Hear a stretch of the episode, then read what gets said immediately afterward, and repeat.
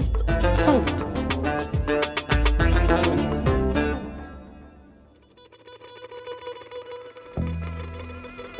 في العاشر من أيلول سبتمبر 2021 أعلنت الرئاسة اللبنانية عن التشكيلة الحكومية الجديدة. بعد سنة كاملة من غياب الحكومة نتيجة الانقسامات الحادة بين الأحزاب اللبنانية. كانت الحكومة السابقة استقالت بعد انفجار مرفأ بيروت في 4 آب 2020 واللي أخذ أرواح أكثر من 200 شخص ونتج عنه أكثر من 6500 مصاب ومصابة. لبنان اللي كان أصلاً بيعاني اقتصادياً وسياسياً قبل الانفجار اعتبر بلد منكوب رسمياً بعده. التشكيلة الحكومية الجديدة لسنة 2021 شملت جورج قرداحي وزيراً للإعلام واللي غالباً بتعرفوه من برنامج من سيربح المليون اللي انطلق سنة 2000 على ال MBC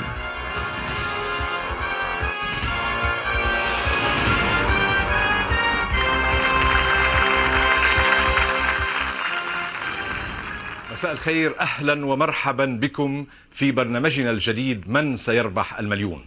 رمضان كريم وكل عام وأنتم بخير.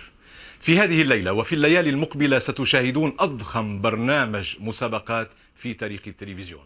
ولأول مرة بتمر السنين تحديدا 11 سنة وبتنطلق بال 2011 الثورات في مختلف البلاد العربية. ثورات بتطالب بتغيير النهج وفي بعض الحالات بإسقاط الأنظمة الحاكمة. فيما يتعلق بسوريا عبر جورج قرداحي عن آراء مؤيدة للرئيس السوري بشار الأسد ولنظام حكمه واللي كان عدد هائل من الشعب السوري عم بيطالب بإسقاطه. على إثر هاي الآراء بتقرر MBC المملوكة لرجل الأعمال السعودي وليد الإبراهيم فسخ عقدها مع جورج قرداحي وإنهاء برنامجه. بتمر عشر سنوات وبتاريخ 25 أكتوبر من سنة 2021 بينتشر مقطع لجورج قرداحي اللي صار وزير الإعلام وهو مشارك في برنامج أطلقته الجزيرة باسم برلمان شعب. وبيحكي معلقا على الحرب الخليجية في اليمن. ما موقفك من ما يحدث في اليمن؟ طيب دفاع عن النفس مش عم بيدافعوا عن نفسهم الحوثيين هن عم بيعتدوا على حدا؟ هن هم يعتدون على أحد؟ يعني في نظركم ما يحدث يعني ما يقوم به يعني أنا أعتقد أنا في نظري إنه هذه الحرب هذه الحرب اليمنية عبثية يجب أن تتوقف.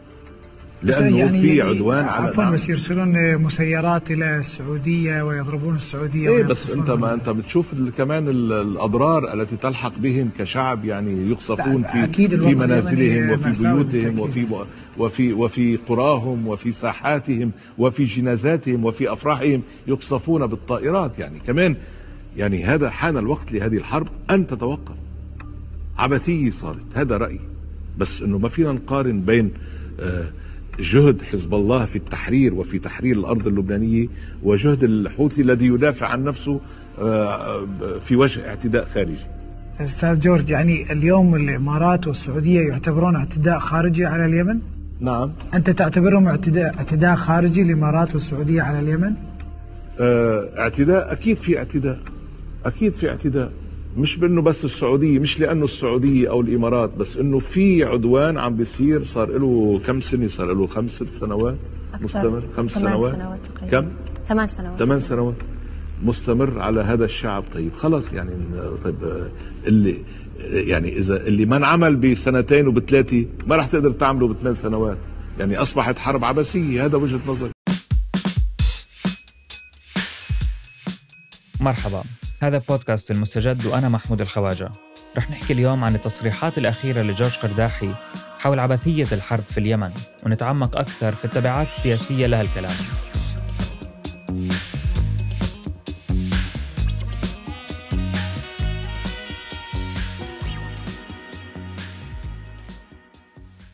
بعد الضجة اللي صارت حاول جورج قرداحي ينقذ الموقف. ونشر بوست على صفحته الرسمية على فيسبوك وقال بما معناه إنه في وسائل إعلام عربية ولبنانية مترصد له وعم تنشر المقطع اللي تكلم فيه عن رأيه بالحرب في اليمن.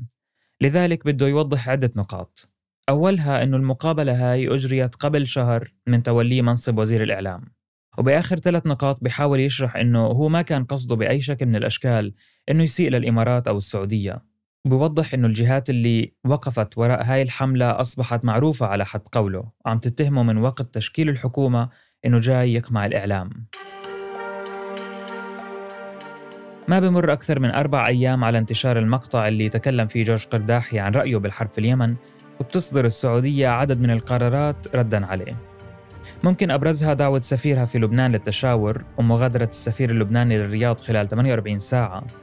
والتأكيد على قرار سابق إلها بمنع سفر المواطنين السعوديين للبنان. قرارات السعودية شملت وقف دخول الواردات اللبنانية إلى أراضيها وبررت هذا القرار بعدم اتخاذ لبنان الإجراءات اللي طالبت فيها السعودية لوقف تصدير المخدرات من لبنان رفقة هاي الواردات. في نفس اليوم قررت البحرين إمهال السفير اللبناني في المنامة مدة 48 ساعة لمغادرة أراضيها على خلفية التصريحات والمواقف المرفوضة والمسيئة بين هلالين. اللي صدرت عن مسؤولين لبنانيين في الآونة الأخيرة على حد تعبيرها. الكويت أيضا تبعت خطى السعودية والبحرين بقرار طرد الدبلوماسيين.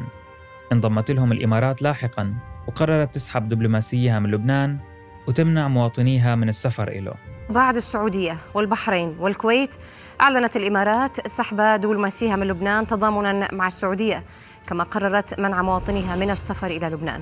الإمارات أضافت أنها لا تقبل نهج بعض المسؤولين اللبنانيين تجاه السعودية. أما قطر وعمان فاكتفوا بأنهم يصدروا بيانات تعبر عن استيائهم بس بدون إجراءات. وعلى الرغم من أنه الحدث اللي أدى لكل هاي الإجراءات معروف إلا أنه تصريح جورج قرداحي ما كان السبب المعلن لاتخاذها. وكأنه بحسب تحليلات عديدة التصريح هذا ما كان إلا القشة اللي قصمت ظهر البعير أو القطرة التي أفاضت الكأس أو المسمار الأخير في نعش العلاء اللي بدكم إياه. خصوصا إنه هاي مش أول مرة بيعبر فيها جورج قرداحي عن ارائه السياسية. المفروض ما حدا يتفاجأ من اللي قاله بناء على تاريخه. مثلا في هاي المقابلة له من سنة 2013 على قناة أو تي في اللبنانية. أستاذ جورج في تحليل بيقول إنه عندما بدأ الربيع العربي كنت أنت مثل ما قلت إنك كنت متفائل. بيحكي قرداحي إنه ارائه السياسية المؤيدة للرئيس السوري بشار الأسد جاية من كونه لبناني عربي ومش لبناني مسيحي زي ما بيدعي المذيع اللي عم بيقابله. بعدين بيسألوا المذيع. هذا الشيء واضح. بإيه أو لا أستاذ جورج هل يستحق بشار الأسد أن تخسر عملك وأن تخسر ال MBC وأن تتعرض إلى شتائم وتهديدات؟ هل يستحق بإيه أو لا؟ أنا مش بشار الأسد اللي اللي اللي ضحيت من أجل أنا ضحيت من أجل سوريا. أنا سوريا تستحق نعم. ومع ذلك بعد فترة تولي الأمير السعودي محمد بن سلمان لولاية العهد صارت تصريحات جورج قرداحي تميل نحو السعودية. اللي أكد إنه الأزمة اللي حكمت علاقته بمحطة MBC لفترة كانت غيمة صيف وعبرت. وقبل كم من شهر من ما يتولى منصب وزير الإعلام أخذ موقف واضح تجاه وزير الخارجية اللبناني السابق شربل وهبة ودعا للاستقالة بعد ما وصف السعوديين بأنهم أهل البدو بين هلالين. وهذا الحكي عمل أزمة بين الحكومة اللبنانية والمملكة العربية السعودية. وكرر قرداحي في أكثر من مناسبة أنه زار السعودية بدعوة من وزير الترفيه تركي آل الشيخ وتم تكريمه من قبل السعودية رسميا. فالأمور كانت تقريبا مستتبة قبل ما ينتشر فيديو مقابلته على برلمان الشعب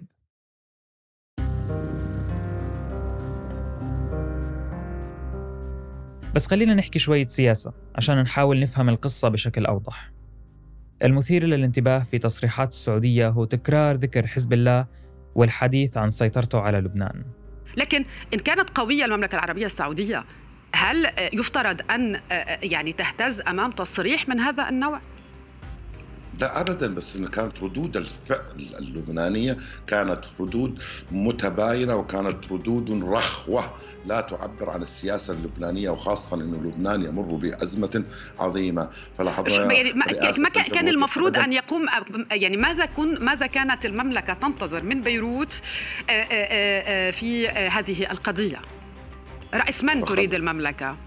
لو كان أنا في وجهة نظري سيدي العزيز لو كان اعتذار دبلوماسي رسمي واضح وصريح كان ربما تقبلنا هذا الأمر إن الأمر يعني له أيام له عدة أيام متى صدر؟ صدر القرار هذا اليوم ولكن فعلا ردود الفعل واوضح إنه الحكومة مسيطر عليها سيطرة تامة من حزب الله وحلفائه تيار الوطني الحر عمل تيار المردة وهو عضو من أعضاء هذا الوزارة.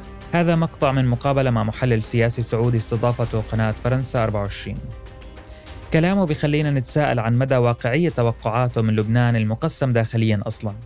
إنه يطلع تصريح موحد خارجيا للاعتذار من السعودية اللي كتار من اللبنانيين شعبا وأحزابا ضد توسع نفوذها في المنطقة.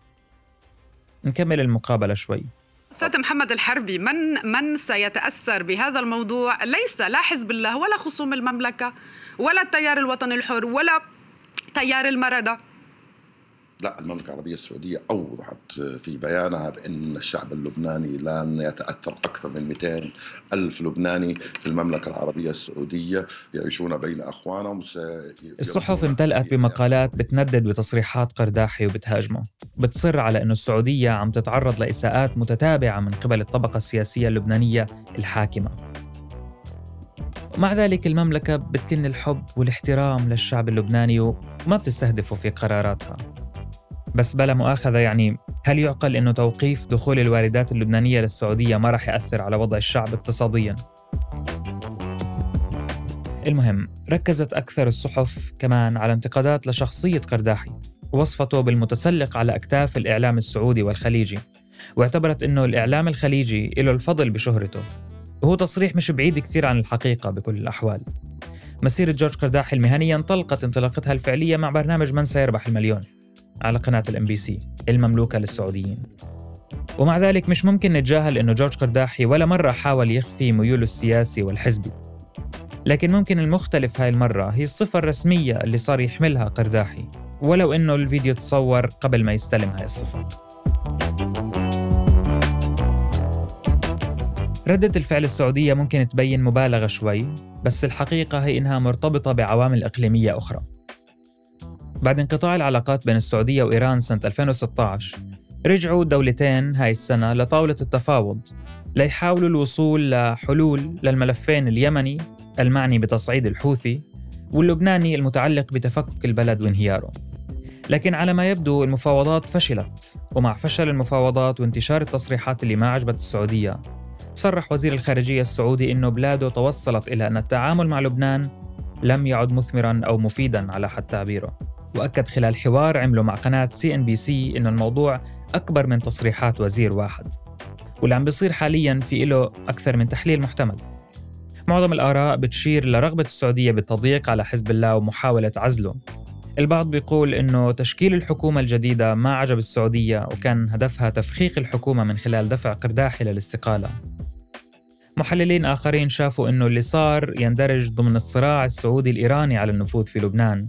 كونه تعاظم دور حزب الله في لبنان رافق انسحاب تدريجي للدعم السعودي. وهذا دفع السعودية لتحميل مسؤولية ما آلت إليه الأمور لحلفائها في لبنان وإنه تصريحات قرداحي مجرد حجة اتخذتها السعودية. وممكن الوهلة الأولى ما نفهم كيف رح يتأثر حزب الله وحلفائه من ردة الفعل الخليجية واللي تأثيرها بلا شك اقتصادي بالدرجة الأولى وبمس لبنان ككل. لكن هاي ممكن تكون استراتيجية لإخضاع لبنان المتهالك أساساً. واللي عم بيواجه انهيار اقتصادي وتفكك سياسي وعم بيحاول يتعافى من الانفجار اللي لسه آثاره حاضرة لليوم. بالإضافة إلى تقليص نفوذ حزب الله اللي بنظر البعض كان مساهم في هذا الانهيار وإخفاض أسهمه عندما تبقى من مؤيديه في لبنان.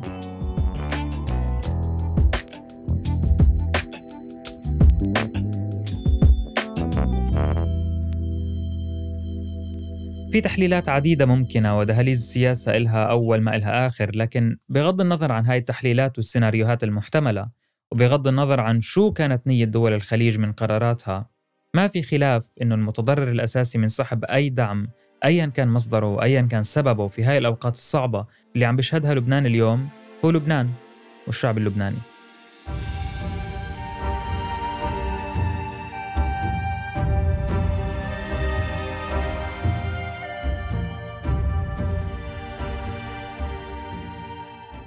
كنت معكم في هاي الحلقة من التقديم محمود الخواجة من الكتابة جنى قزاز ومن التحرير عمر فارس من الهندسة الصوتية تيسير قباني. بودكاست المستجد من إنتاج صوت.